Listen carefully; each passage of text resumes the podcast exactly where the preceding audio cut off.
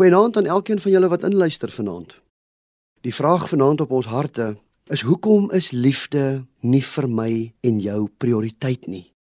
Baie mense loop vandag met maskers rond. En dis nie net maskers om die koronavirus weg te hou nie, maar dis onsigbare maskers. Maskers wat ons nie kan sien nie, maar daardie maskers is baie keer in ons harte.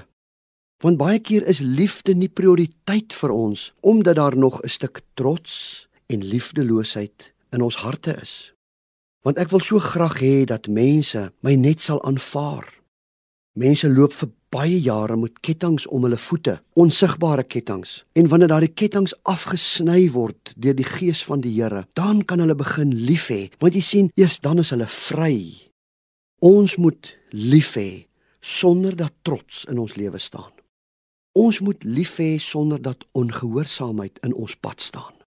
God se opdrag is dat ons hom en ander sal lief hê en ons kan dit nie ignoreer nie.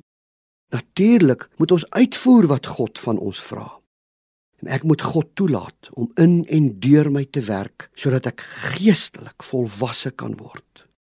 Ons moet die tyd uitkoop.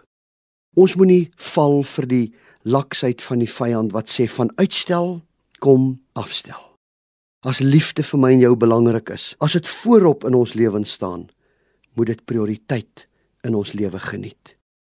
Galasiërs 6 vers 10 sê: Solank ons die geleentheid het, moet ons aan almal goed doen. Ek glo jy weet dat God jou liefhet, want hy het sy seun gegee. Hoe gaan mense weet dat jy hom liefhet? Deur ander lief te hê. So is jy bereid om te sê, Here, Maak my 'n instrument van u liefde. Here, my grootste begeerte is om u en ander lief te hê. Laat dit die uitstaande kenmerk van my lewe wees.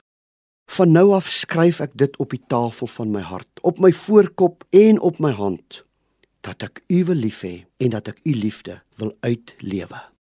Augustinus het gesê, die enigste vorm van liefde is die wat niks terug verwag nie. Here, maak my 'n instrument van u liefde.